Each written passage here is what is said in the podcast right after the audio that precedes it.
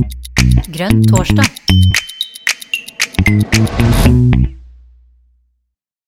Velkommen til Grønn torsdag.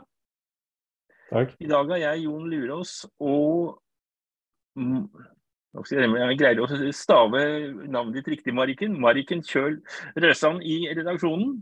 Og vi skal eh, se litt på kampen om å komme inn som nestleder i MDG. Og da har vi fått med oss eh, Harald Moskvild, som har vært på Grønn torsdag før.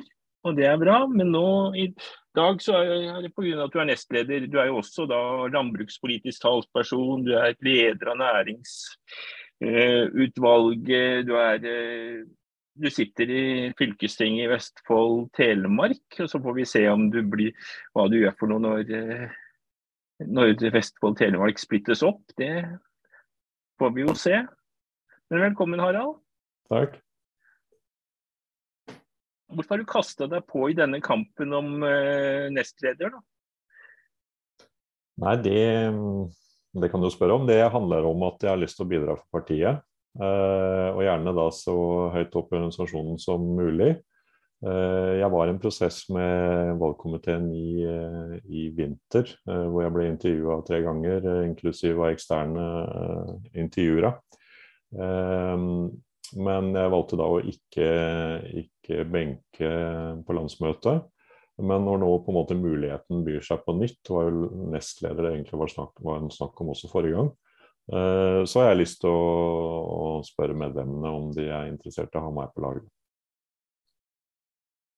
Spennende. Men hva er det du har å tilføre MDG som du da mener ikke, er der, da? Det må jo vel være derfor at det er, noe som mangler. Mangler en Harald Mosvild. Ja. ja. det er jo et litt sånn vanskelig spørsmål. Jeg har blitt litt utfordra av, av, flere her om å, om å, stille. Og det som jeg tror jeg kan bidra med, det er eh, min profil. Jeg tenker at min profil kan være nyttig for partiet. Eh, og det handler jo litt om at jeg er en eh, ja, hva skal jeg si, jeg ble fremstilt egentlig som en, eh, en, rolig og trygg person, men samtidig en ganske optimistisk person. Eh, og andre som hvis det er spørsmål om liksom hvor, vi, hvor, jeg står politisk, så er det også litt av det samme. Jeg er grunnleggende grønn, får jeg som, får jeg, får jeg som si, tittel av det rundt meg. Men samtidig ganske optimistisk med hensyn til at det finnes muligheter også innenfor teknologi. Eh, og liksom den koblingen der, og kanskje det min profil da, med, med, en praktisk erfaring, tror jeg også partiet kan ha nytte av i ledelsen. Eh, jeg har da vært eh, bonde i 40 år eller noe sånt. Eh, samtidig som jeg også har vært næringsdrivende og flere, flere bedrifter. Og har erfaring fra, fra, næringslivet som kanskje er litt sånn mangelvare i, i ledelsen. Med unntak av Ingrid som akkurat nå kommer fra næringslivet så tenker jeg at den praktiske erfaringa den trenger vi inn i politikkbygginga eller politikkarbeidet. Eh, Harald, eh, til eh, dette møtet så har jeg jo lest nettopp og notert meg akkurat de koblingene.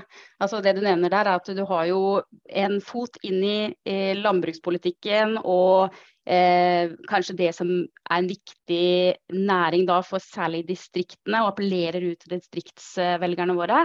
Og så har du i tillegg nå ikke sant, en fot inn i næringspolitikken. Og, og jeg har et inntrykk av at du også er litt urban. Altså, så eh, er det sånn at du tenker at eh, du kan representere ikke sant, Hvor, eh, kan du, Hvordan skal vi redusere f.eks. konfliktene da, mellom by og land og eh, distrikt og, og, og byvelgerne våre?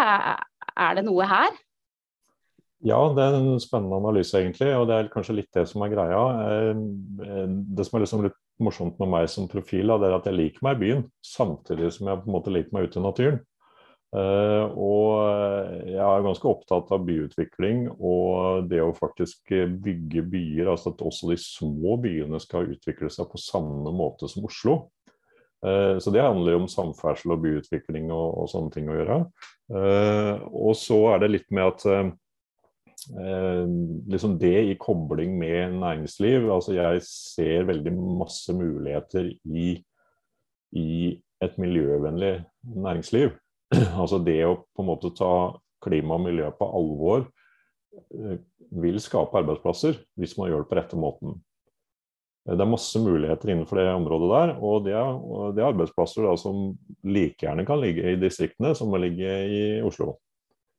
Eh, så, sånn at det er liksom denne koblingen her som, eh, som, jeg er opptatt av, og som, eh, som jeg har vunnet litt erfaring med sånn politisk, men som jeg også har ganske mye erfaring med sånn jobbmessig, fordi at jeg driver mye med, med kursing og rådgivning og sånn innenfor økonomi. Eh, og det handler stort sett om, eh, om småbedrifter, og da delvis også over hele landet. Er det sånn at du har flytta til by også nå, eller har jeg feiltolka det? Nei, det er jo litt morsomt, for jeg er jo blitt urban, som da Marken var inne på her. sånn at jeg har da flytta fra gårdsbruket og til en liten by som heter Åsgårdstrand. Eh, den er, har bare 3000 innbyggere, altså er ikke akkurat Norges største by, men er, den har bystatus. Så, det, så jeg har akkurat, akkurat flytta til byen. Eh, så, mm. Eh, I forbindelse med at jeg da solgte gården til uh, min sønn. Så nå er det over en ny stadium i, i livet, ja.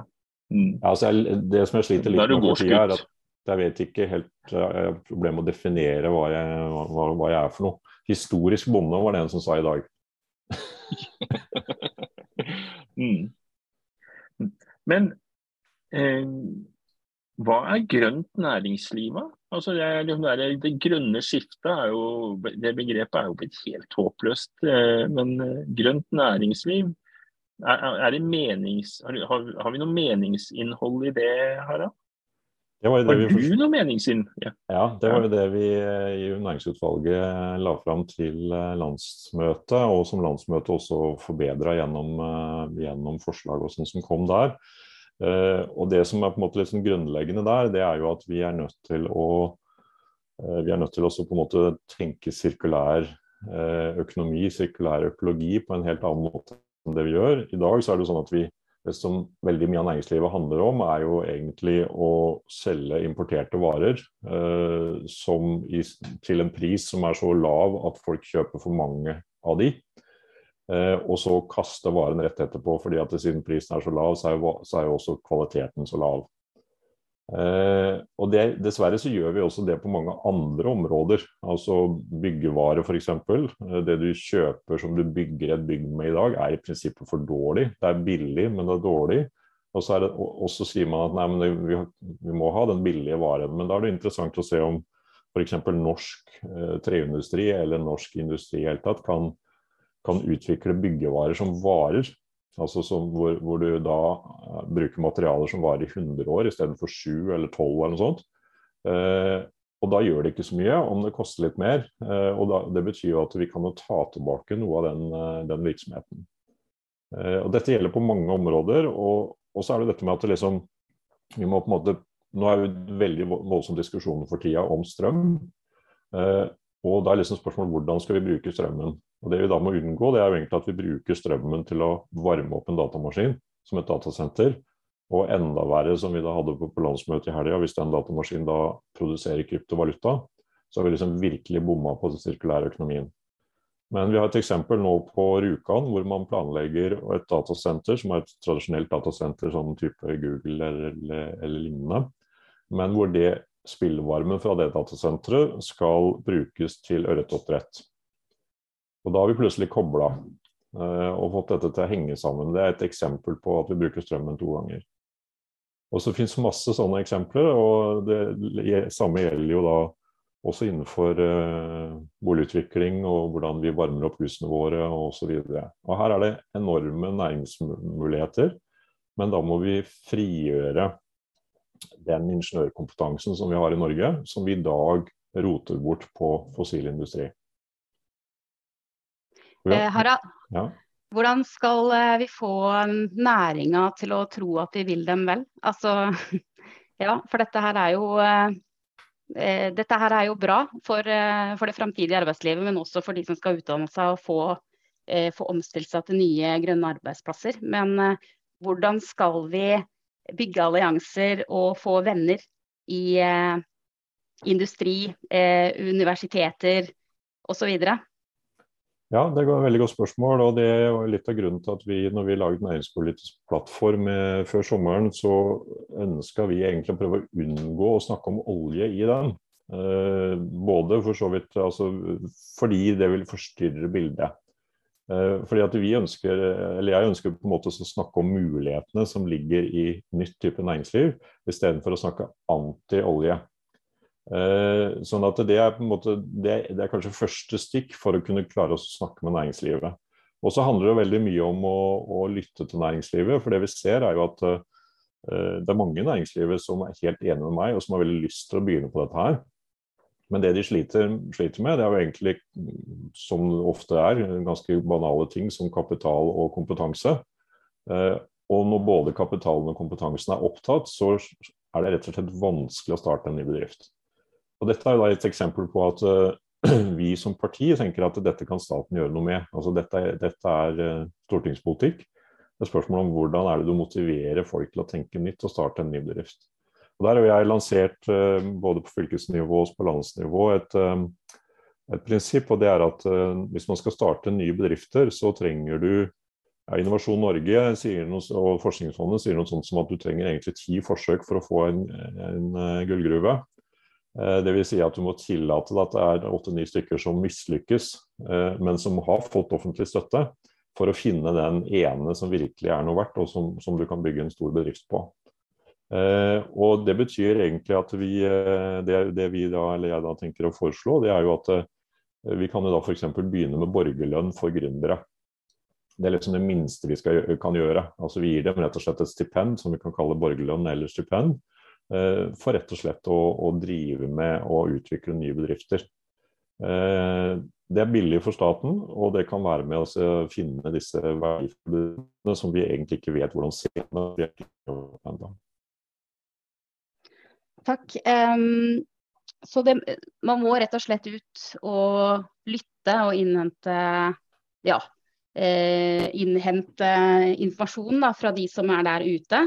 Um, jeg har lyst til å over, for så vidt over på en litt annen, eh, litt annen tema. Så eh, du skal jo lede eh, hvis, hvis, du, hvis, du, blir valgt da, som nestleder, så skal du inn og lede et parti som MDG. Og eh, jeg hørte en gang på en ledersamling med Rasmus Hansson at eh, eh, det å lede en gjeng med idealister, det er litt spesielt.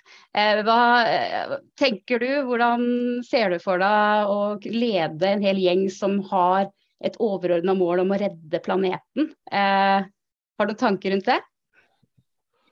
Det høres jo egentlig ut som en fantastisk utfordring, så, så det er liksom førsteinntrykket. At det, det, det, må jo bare bli veldig gøy.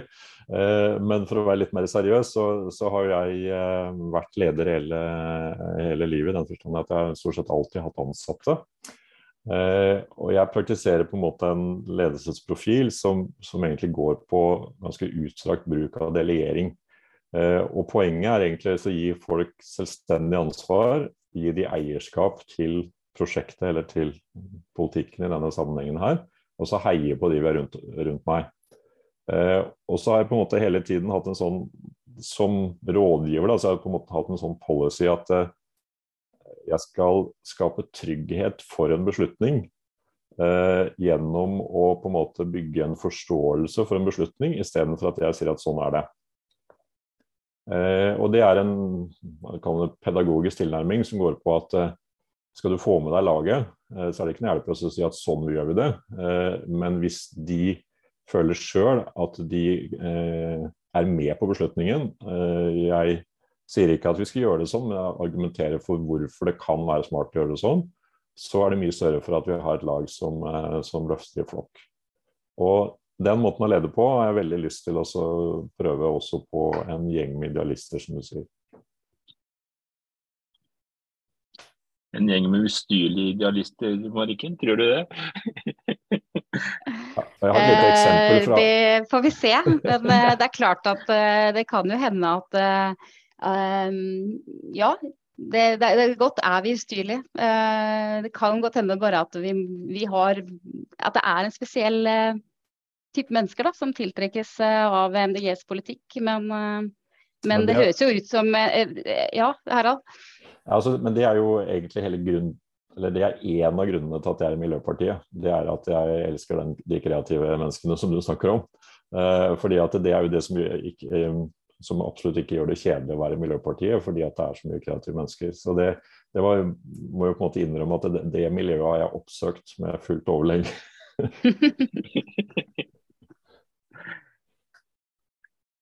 Eh, er det sånn Et litt annet spørsmål. Er det sånn at eh, det er noen ting i programmet til MDG som du syns er eh, problematisk?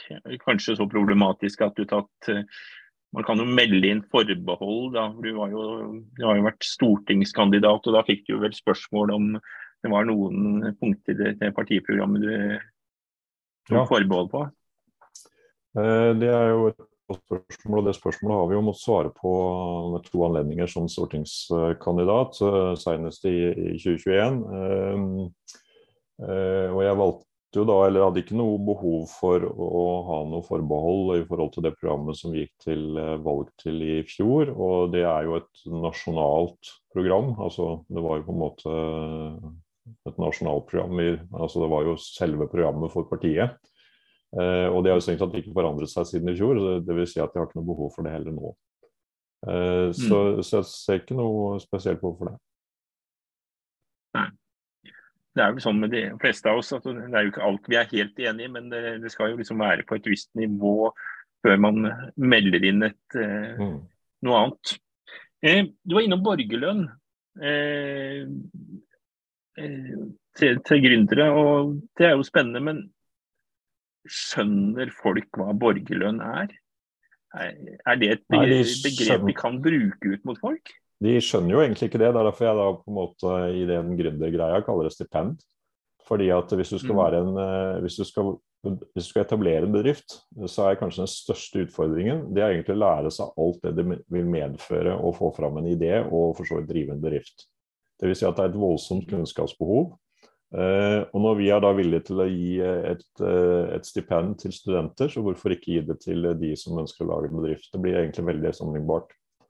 Eh, og så Det er et eksempel på litt sånn pedagogisk tilnærming. fordi at borgerlønn det, det syns folk er rart. og Vi merker jo litt av det samme nå når vi sier at vi skal dele ut et fast beløp til alle i strømstøtte. Så Arbeiderpartiet skjønner ikke hva vi snakker om. De, de, nei, de, vi kan jo ikke gjøre det sånn, for det kan bli urettferdig, sier de. Mens vi mener jo at det er den mest rettferdige ordningen som finnes. Så det er kommunikasjonsutfordringer her. Det er det. Eh, en annen ting som jeg, jeg har eh, hatt litt eh, tenkt litt på i det siste, som har vært litt eh, vært en del uro rundt, det er jo forskning. Og forskning er jo noe vi sånn som, i hvert fall i mitt hue, er det noe vi virkelig trenger å satse på. Nå virker det da som Eh, nå får vi jo se hva som kommer i statsbudsjettet når det kommer, men det virker jo som det er eh, tendenser til at de har tenkt å redusere forskning. Og det er vel dårlig nytt for produktutvikling og næringslivet sånn, eller hva tenker du? Eh, Det har, vi, det- har vi diskutert litt i næringsutvalget, og det, du har helt rett. Altså, det er på en måte en katastrofe det som uh, Morten Moe holder på med her. Altså, han, han liksom bortforklarer det med at det har vært ute av styring osv. Uh, man har brukt for mye penger. Uh, men det ligger jo på en måte under så ligger det et ønske om å spare penger. Uh, sånn at man bruker på en måte bare det at de er litt ute av kurs i forhold til budsjettene som unnskyldning for å spare penger. Og det er helt feil. Altså, Når eh, den norske stat tjener så mye penger som vi gjør på å forurense verden, for det er jo der vi tjener mest, eh, og det gjør vi også før eh, Ukraina-krigen, så er liksom forskning det, er liksom, det står på en måte helt øverst. Hvis vi tenker at vi, vi, tjener, vi er nå inne i en periode hvor vi tjener ekstra mye penger, hva skal vi bruke de på? Jo, vi må bruke det på noe som varer. Og det vil si kompetanse og utdanning. Eh, Sånn at det å liksom, helt tatt liksom den tankegangen at forskningen er, det skal vi være litt forsiktige med, det er helt håpløst. sånn at, og så er, er, det en veldig viktig sammenheng der, og det er at vi trenger forskning som, er, som ikke er oppdragsbasert. Altså, som jeg nevnte i stad, vi, vi, skal forske på bedrifter som ikke er funnet opp ennå. Da kan det ikke være en bestilling fra Equinor. Altså, og Det er en, et kjempeproblem med forskningen i dag. at det, det, har vært en periode hvor forskningen har blitt mer og mer oppdragsbasert. Eh, og Det betyr at man vet egentlig hva man bestiller. Altså Man har en bestilling, og det er det man får. Eh, og Når den bestillingen kommer da fra en fossil næring, så blir det også resultatet en fossil løsning. Mer grunnforskning? Ja, det trenger vi. Kan bruke begge deler, men grunnforskningen har blitt kraftig nedjustert, og det har vært en sånn vridning over lang tid. Mm.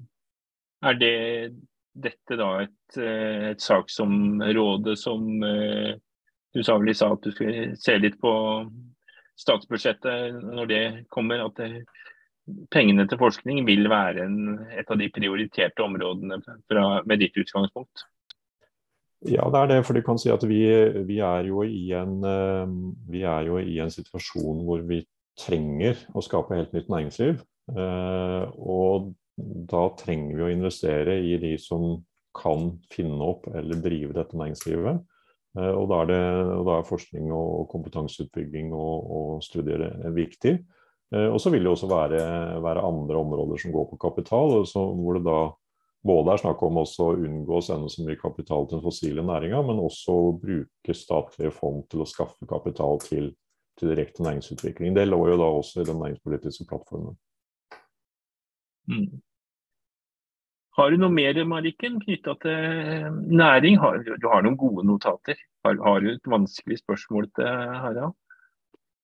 Ja, nå snakker vi jo veldig mye om eh, altså, Det er jo som du nevnte tidligere også, Harald. Én eh, ting er på en måte utfordringen med hva slags forskning det satses på, og hvor mye som er oppdragsbasert versus eh, grunnforskning, men så også på en måte hva forskningene brukes til, og hva de gode hodene på en måte Mange av våre gode hoder, f.eks. ingeniørjobbene, de, de, forsvinner jo i dag ut i eh, fossilindustrien, holdt jeg på å si. Så eh, hvordan eh, Og det går, det går jo tilsynelatende Altså det går for tregt, eh, den omstillinga. Så eh, hvordan kan vi klare å vri dette her tidsnok over i inn i de eh, jobbene og næringene som vi, vi trenger.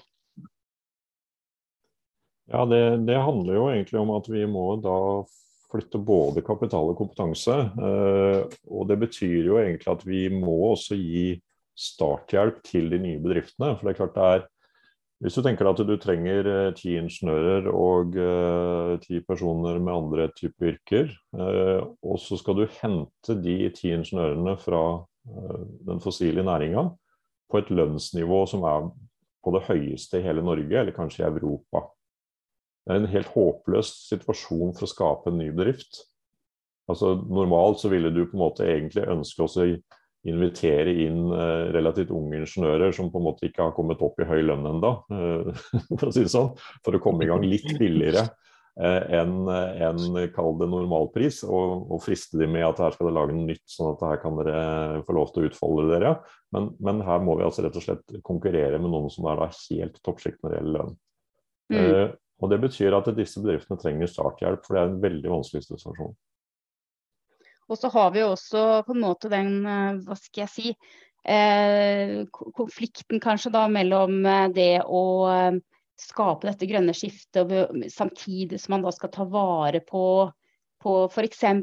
naturverdier og ja, ikke sant? Det, dette er krevende. Det vil jo koste på mange vis. Hva er det som er det kanskje vanskeligste med dette grønne skiftet for oss som grønt parti? Og eh, hva er lett?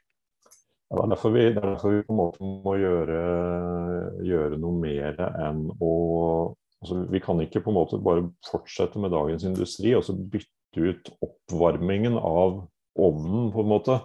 Eh, hvis vi lager aluminium eller hva vi lager for noe.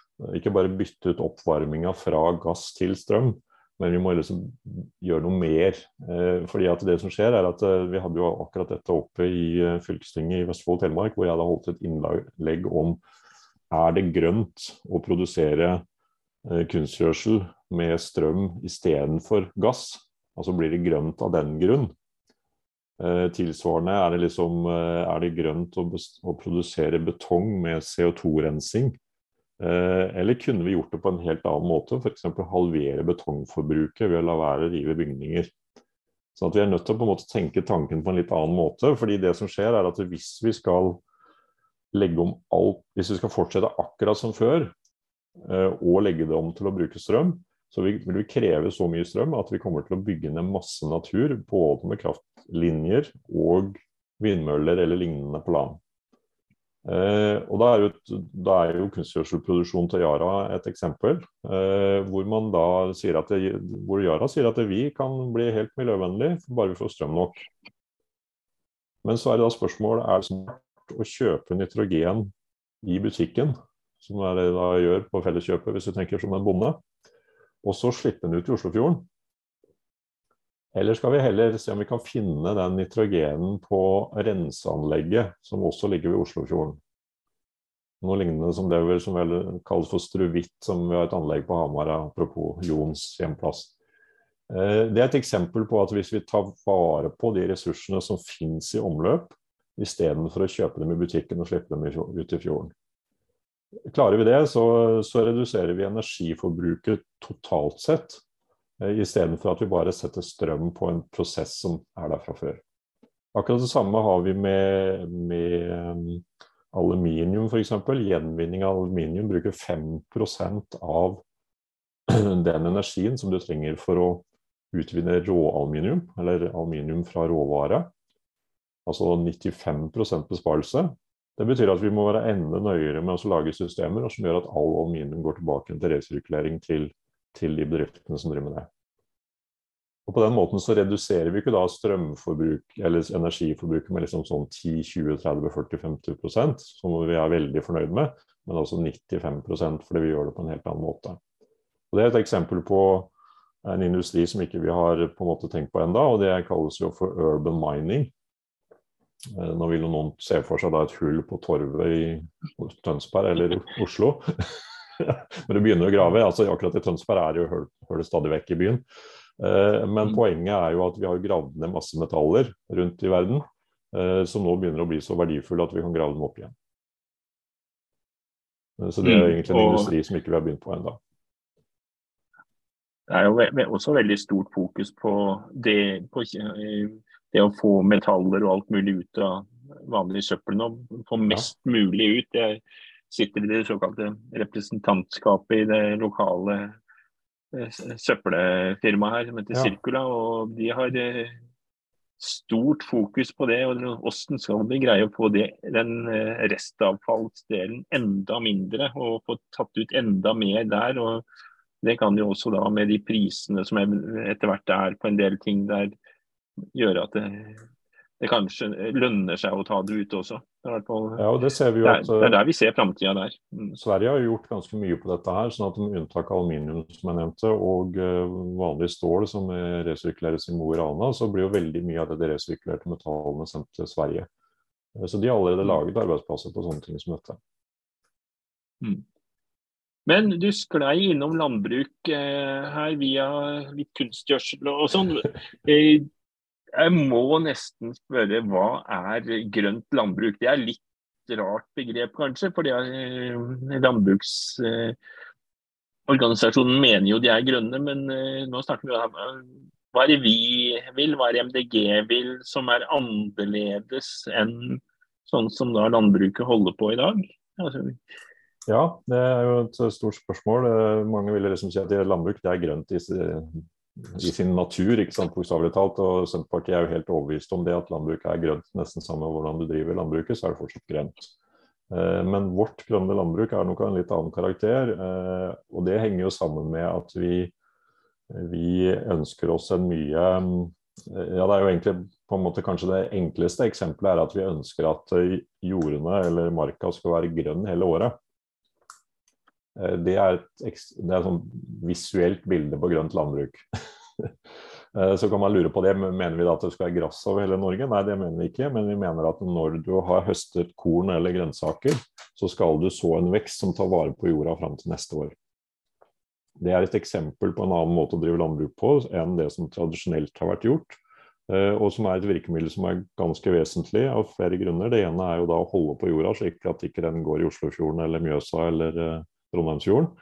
Eh, og det andre er at du da har organisk aktivitet, altså du har aktivitet rundt røttene som gjør at det, det skjer organiske prosesser også gjennom vinteren.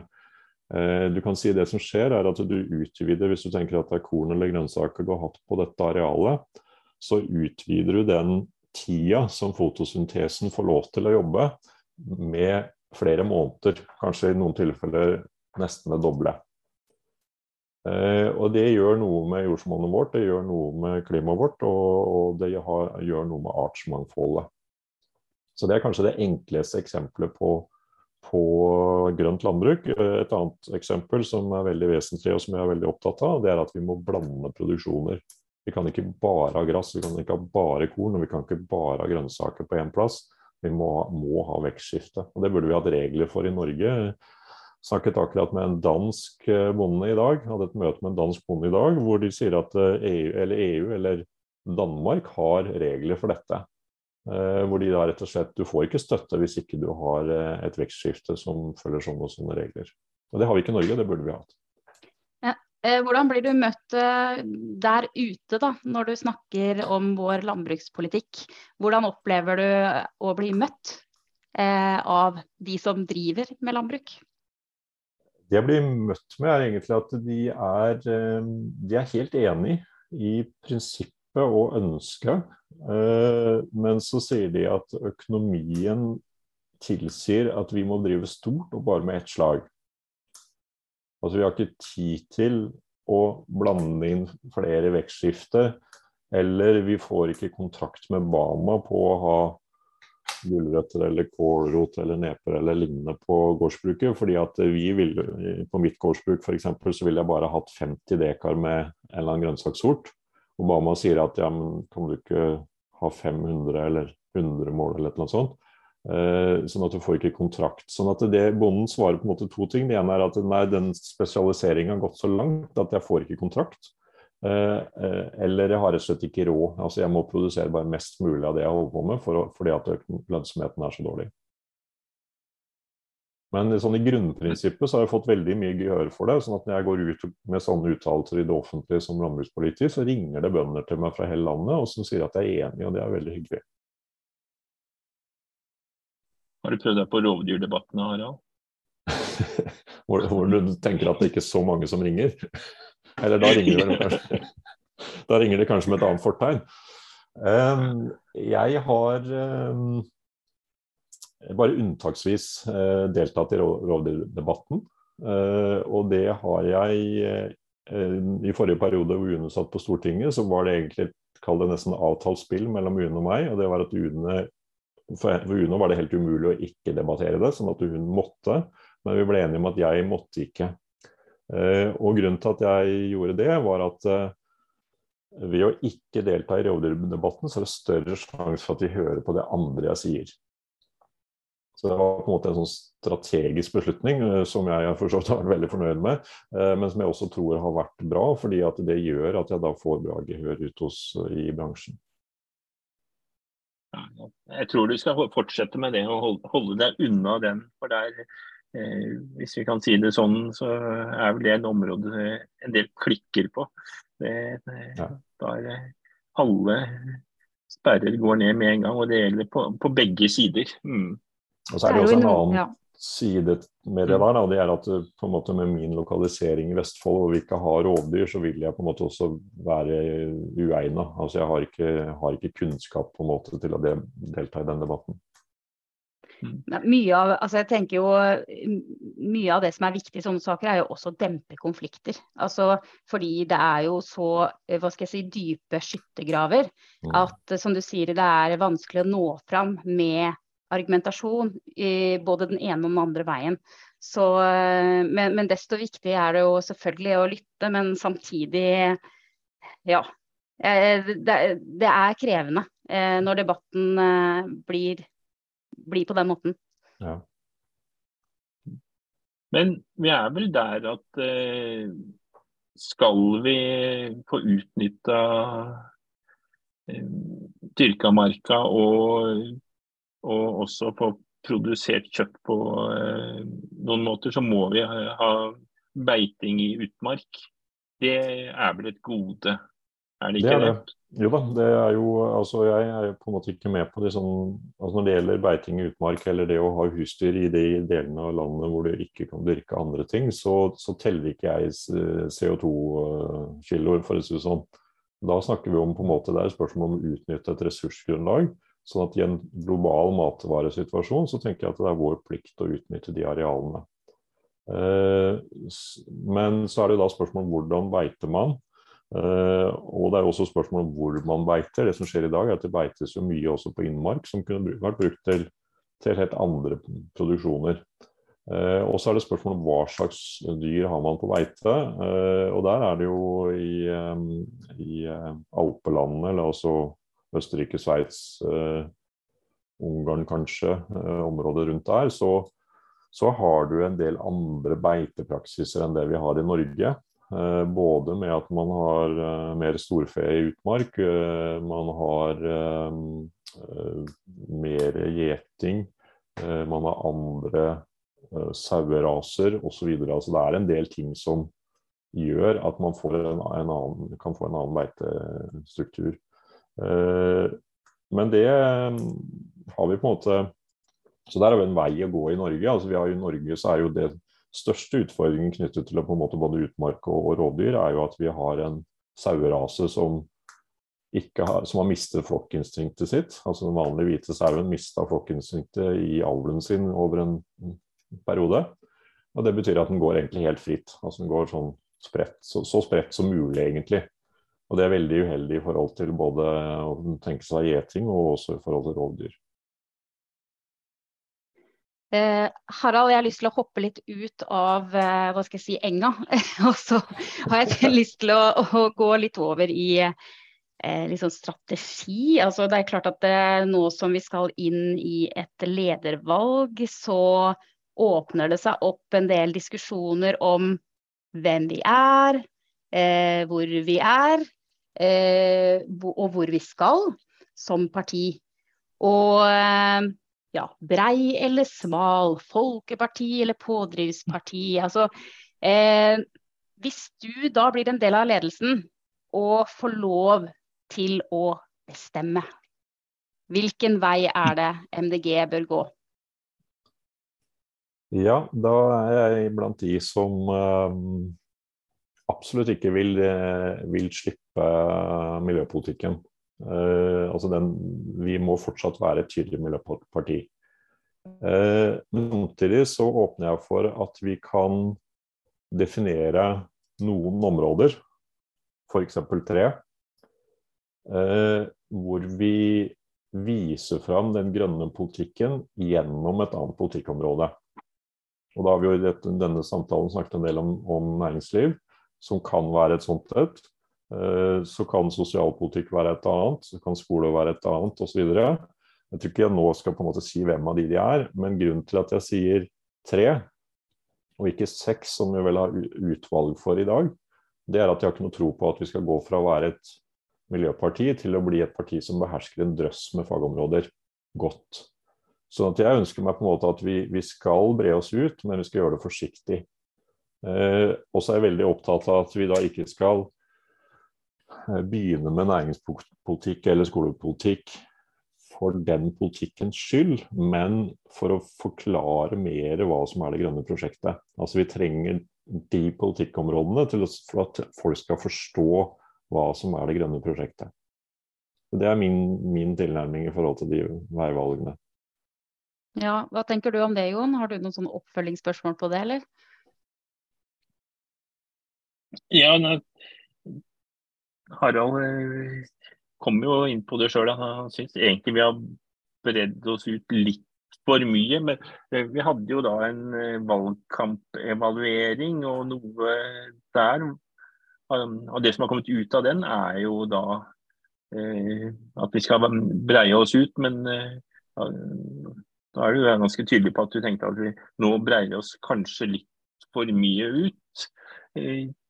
Ja, nå tenker, tenker jeg at det å ha seks utvalg som på en måte jobber med seks forskjellige områder, og delvis også saksfallspersoner som jobber med disse områdene, det anser jeg egentlig som positivt, men jeg anser det kanskje som et slags grunnlagsarbeid for å finne de tre som jeg tenker på. Altså, eh, altså at det, rett og slett så er det behov for at flere får prøve seg her og utvikle politikk.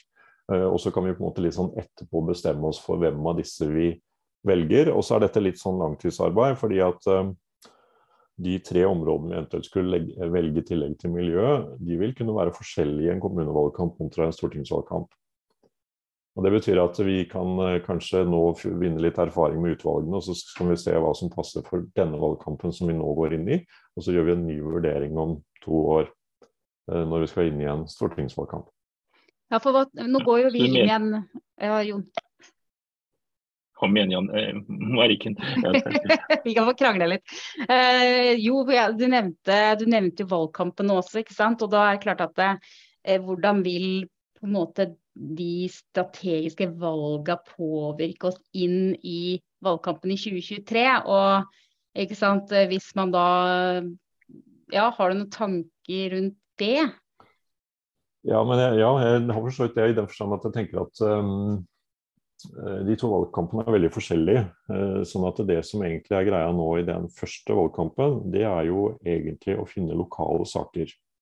Uh, men hvis du, hvis du er i, uh, i, um, Miljøpartiet i en by som Molde og, og, ser at i akkurat denne byen her så er det næringspolitikk som er greia, så er det jo fint å ha noen som jobber med det i et utvalg på, på landsplan. Og tilsvarende et annet eksempel, så, så, så har vi nå på en måte skaffet oss ressurser på nasjonalplan. Men jeg tror vi skal være mm, Jeg tror kanskje noe av suksessfaktoren inn mot valget er å egentlig finne lokale saker. Eh, vi merka det litt når vi gikk dørbanking i stortingsvalget i fjor, at når vi helt konkret gikk i en by og så spurte hvordan mener dere at vi skal utvikle dette boligområdet her, eller dette turområdet eller naturområdet her som nå eh, noen har lyst til å bygge ned osv., så, så får vi svar. Og da får vi engasjement hos eh, innbyggerne. Eh, men når vi snakker om den store klimapolitikken, så lurer det litt på hva vi holder på med. Det er vanskelig å forholde seg til det i et lokalvalg. Så vi hadde veldig god erfaring med dette her, med å gå ut og snakke med folk og så spørre helt konkret er her har kommunen lyst til å bygge ut et område, hvordan vil dere at det skal være? Og Akkurat det samme ønsker jeg på en måte også å gjøre på et helt annet område. Det er kollektiv. Uh, veldig mange snakker om kollektiv, og mange, mange ergrer seg over at det er så få som bruker bussen. Du sier at de kjører masse tomme busser her, sier de. Og så, og så kan du selvfølgelig snu det og si at grunnen til at den er tom, er at du kjører bil etter. Siden du ser at den er tom. Som, Tomme biler, egentlig. Så har, kjørt, så har, du kjørt, bil rett bak den bussen. Eller du har møtt den. Eh, men det som er greia, da, istedenfor å så uh, Eller en måte å møte det på, det er altså på en måte ta for seg et område og så intervjue alle som bor i det området, og så spørre hva skal til for at du tar bussen på jobben. Og så da eventuelt sette opp et busstilbud for de, hvor bussen da f.eks. kjører gjennom boligområdet istedenfor at han bussholdeplassen ligger da helt i utkanten hvor ingen gidder å gå. Så det er en helt, er en helt annen valgkamp enn en stortingsvalgkamp, egentlig.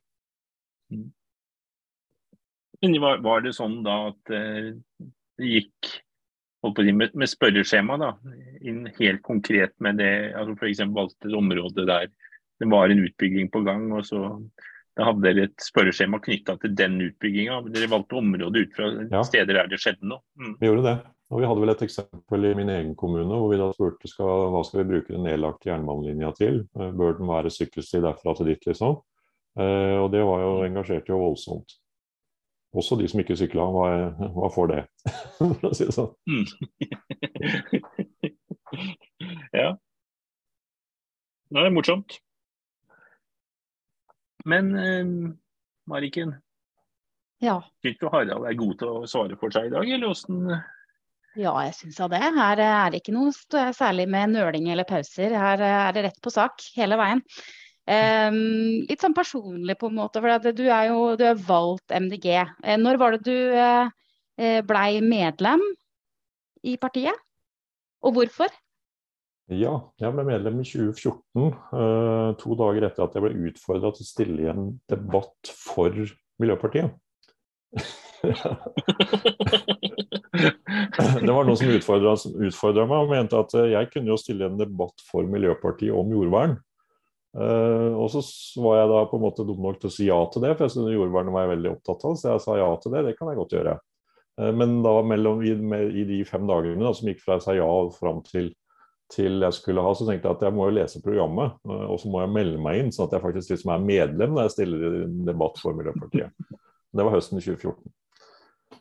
Angrer du? Um, du angrer ikke? Du angrer nei, nei. ikke? Nei. Jeg ikke det, jeg angra ikke den, dagen jeg leste programmet heller. fordi at det som var eh, Jeg var, må si at jeg var egentlig veldig spent på programmet, for jeg hadde jo ikke lest programmet, som dere skjønner. Eh, på det tidspunktet. Eh, og jeg var også spent på programmet ut ifra at jeg er kristen og har vært det hele livet. Og vært aktiv i kristne organisasjoner.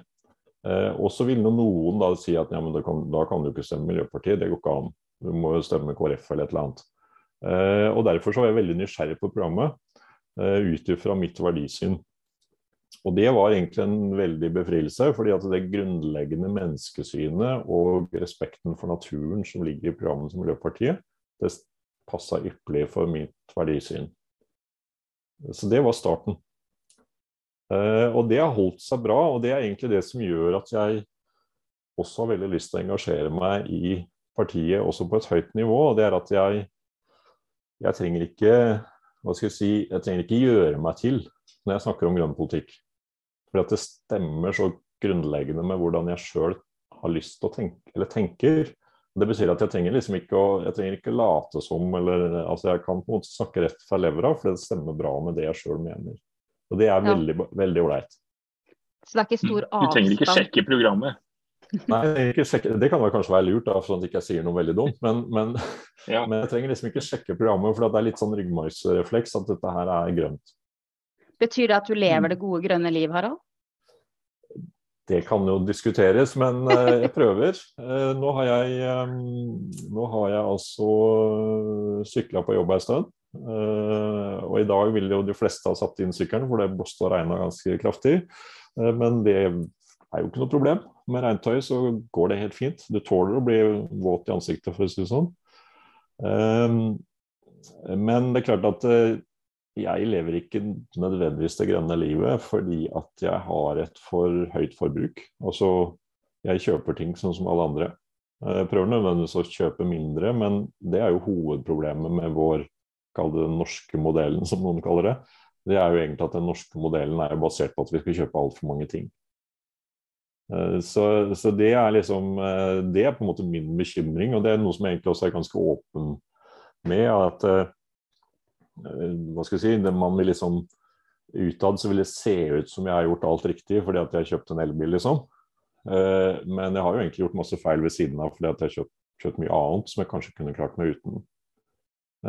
Sånn at liksom den elbilen er liksom sånn utstillingsvindu, så kjekt fordi vi har en elbil, eller fordi man sykler. Eh, men så har vi da et forbruk som egentlig er altfor stort. Eh, så jeg har, fortsatt en vei å gå på å liksom velge ting helt ned på klær eller gjenstander eller møbler eller lignende som, som, du på en måte Hvor du kjøper en ting som du har tenkt å beholde, altså tenkt å, som, som, varer. Eh, og som gjør at du da ikke trenger å kjøpe en ny en rett etterpå. Mm. Når du flytta fra gård til leilighet eller enebolig, så fikk du litt mindre plass. Så da må, må du være litt mer bevisst på tinga dine, eller? Ja, det gjør det. Så, så det, sånn sett så er det, det er veldig greit. Det, min nese var veldig klar på det, at den, den uh, mest effektive måten å få redusere forbruk på, det er å kjøpe en veldig liten leilighet. Eller leie en mm. veldig liten leilighet. For da kan du ikke ta med deg så veldig mange ting hjem. Eh, så det hjelper, det. Eh, så det, det er sant. Og så er det også på en måte Nå har jeg bodd på land i hele livet, og nå har jeg kommet noe nærmere eh, Tønsberg, Horten osv. Det betyr at jeg setter egentlig veldig pris på at jeg kan sykle til mange ting. At jeg ikke til enhver tid må, må, bruke bil fordi det faktisk ikke var noen buss som var innenfor rekkevidde. Men vi har vel alle en erkjennelse av at vi, vi, lever ikke perfekte liv her eh, oppe i nord, i et av verdens rikeste land. Men vi vil. Vi vil legge til rette. Eh, og det er vel derfor kanskje mange av oss også har gått inn i politikken. Ja, så er det veldig mye vi kan gjøre. Og, og så er det jo Eh, hva skal jeg si eh, Det som er gøy, da, og som vi gjerne skal snakke mer om, det er jo at eh, altså, ja, Vi snakket akkurat om det, mi og sånt nå for et par dager siden, at de som sykler på jobb, de smiler når de kommer på jobb. Og det, har et, det er et eller annet med at du har altså vært ute, du har åpna sinnet ditt. Eh, og sånn som jeg da kan sykle langs sjøen og se sola gå opp over sjøen, ikke i dag da, men i går. Eh, så er det klart at da blir du lettere til sinns når du kommer på jobb.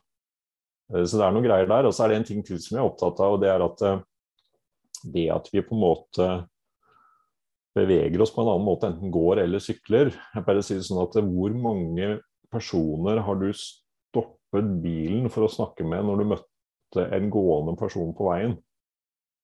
Altså hvor du stopper bilen og så snakker med den som du møter. Det gjør du ikke veldig ofte. Men hvis du sykler, så er sannsynligheten mye større for at du stopper å snakke med den personen. Og hvis du går, så er den selvfølgelig enda større. Og Det er et eksempel på at det grønne livet som vi ønsker å få fram, det har en masse positive sider. Men den sentraliseringa vi har, da. Det bor jo folk i Åsgårdstrand og Tønsberg og sånn som da dagpendler til Oslo. Det det er jo Da blir det jo mye reising og, og sånn. Sentraliseringa, er, er, det en grønn verdi? Ja, det er jo sånn paradoks Du reiser kollektivt til Oslo? Ja. Det er jo sånn skikkelig paradoks, for at hvis jeg da blir nestleder, så, så kommer jeg til å gjøre akkurat det. ikke sant? Reise mm. kollektivt til Oslo. Uh, og det er jo også en annen ting som vi snakket litt om på landsmøtet i helga, og det er at Eh, vi ønsker jo på en måte at folk skal sette ned tempo på livene sine, men så er vi sjøl veldig travle politikere, så det gir fryktelig dårlig signal egentlig der. Eh, men når, det, når, du spør om sentralisering, så har jeg brukt en del energi på å si til folk som bor på bygda, at mul din mulighet for å leve et mer miljøvennlig liv enn en person som bor i Oslo, er egentlig ganske god. Hvis du hvis du klarer å skape din egen arbeidsplass i noenlunde nærhet, så er det selvfølgelig et, eh, en greie. Men uh, de som bor på bygda, har lademuligheter, så de kan ha elbil, for å si det sånn.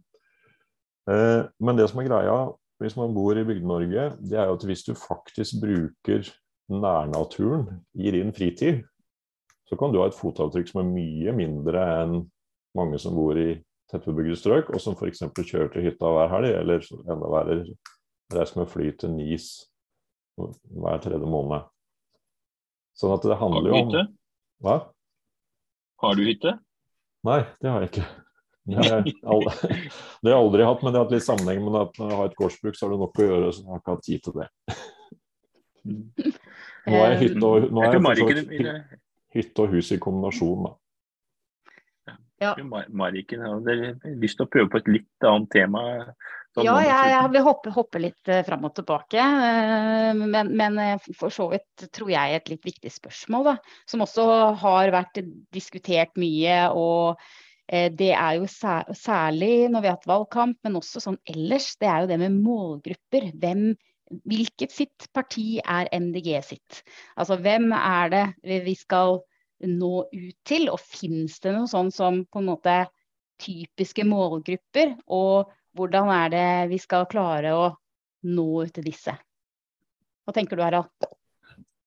Ja, Det er noe som jeg har tenkt ganske mye på i forbindelse med stortingsvalgkampen. fordi at det er liksom Spørsmålet er det smart av Miljøpartiet å ha en, eh, en godt voksen, for ikke å si gammel mann på førsteplass. Treffer vi da målgruppene?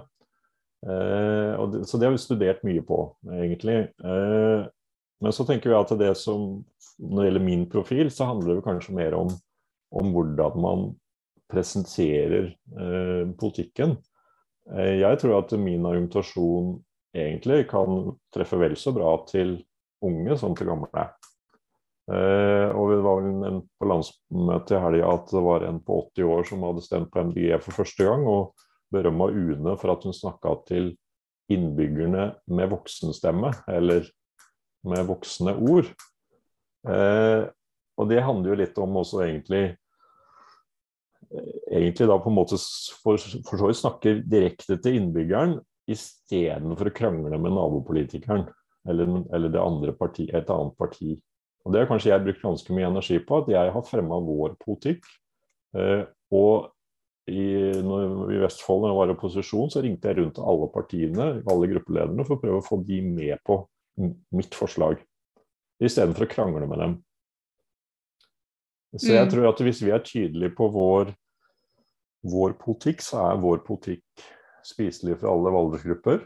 Uh, og jeg ser jo det egentlig nå at uh, politikken vår engasjerer egentlig i hele spekteret. Det er ikke sånn, Hvis vi tar hele Norge under ett, så er det ikke så opplagt at det er kvinner 30 år som er vår målgruppe. Uh, men Ikke meg, på andre ord. ikke deg, ja. Nei, Nei, det kan være. Men, men, selvfølgelig i byene så er det i mye større grad det. Men, men vi ser at vi appellerer egentlig til alle aldersgrupper. Ja, Eh, men, men eh, ikke sant, nå ser jeg at vi begynner å nærme oss tidspunkt, men allikevel. Eh, det er ut, og så er det inn i partiet. Vi er jo en, en divers, heterogen gruppe med folk i alle aldre osv. Men hvordan tenker du som leder at du kan være en samlende person for unge eh, middelaldrende, gamle eh, kvinner på 30 år, eh, rovdyrmotstandere, landbrukstilhengere. Altså det er, det, det er mange, mange, folk som skal ta, ta svaret på på hvert sitt vis. Men hvordan kan du være en samlende person inn i NDE? Ja, kjempespørsmål.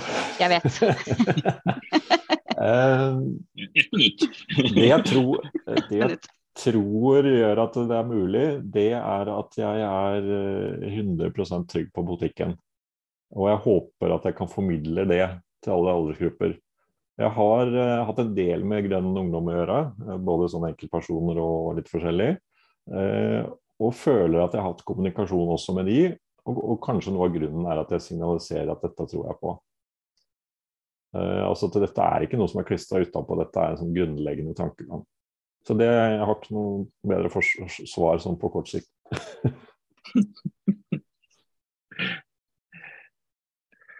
ja. Nei, men vi nærmer, nærmer, oss jo slutten. Jeg vet ikke om uh, du har noe uh, god uh, avslutning, jeg, som, som, vi skjønner hvorfor Hvis det da kommer dit hen at det blir et valg om nestleder, det er jo litt avhengig av hva valgkomiteen innstiller på av, av leder. Eh, så hvis vi da kommer dit og vi skal stemme Hvorfor skal vi stemme på deg, Arna? Har du noen sånne eh, korte ord, eller må vi høre da de 53-57 første minuttene her for å skjønne? Kan hende må høre alle, men, og dessverre så har jo vi ikke snakka så mye om to områder. og Det er naturvern og solidaritet. Uh, som vi begge deler er veldig opptatt av, og som vi kunne brukt mer energi på. Men det får vi ta en annen gang. Uh, så jeg tror kanskje at det jeg appellerer til her, det er rett og slett at uh, det Miljøpartiet holder på med, det er det trygge valget. Det er vi som har den ansvarlige politikken. Og det er kanskje den, det er en profil som på en måte signaliserer det, det trygge valget jeg ønsker å være. Det var jo fint det, Mariken. Det var veldig fint. Og eh, ja, vi skulle mm. gjerne hatt mer tid til å snakke om naturvern og solidaritet her. Så det er fint du fikk løfta det opp mot slutten. Hmm. Men da tenker jeg vi runder av, jeg. Ja. Og uh, vi har hatt en uh, hyggelig time med deg nå, Harald, og lært litt mer å kjenne. Og så får vi ønske deg lykke til hvis det faktisk blir et nestledervalg. Det er litt avhengig av prosessen videre, men det, det får vi se. Det kommer nok nye muligheter også. Mm. Mm. Takk for uh, intervjuet. Lykke til med Grønn torsdag. Takk. Takk. Ha det bra.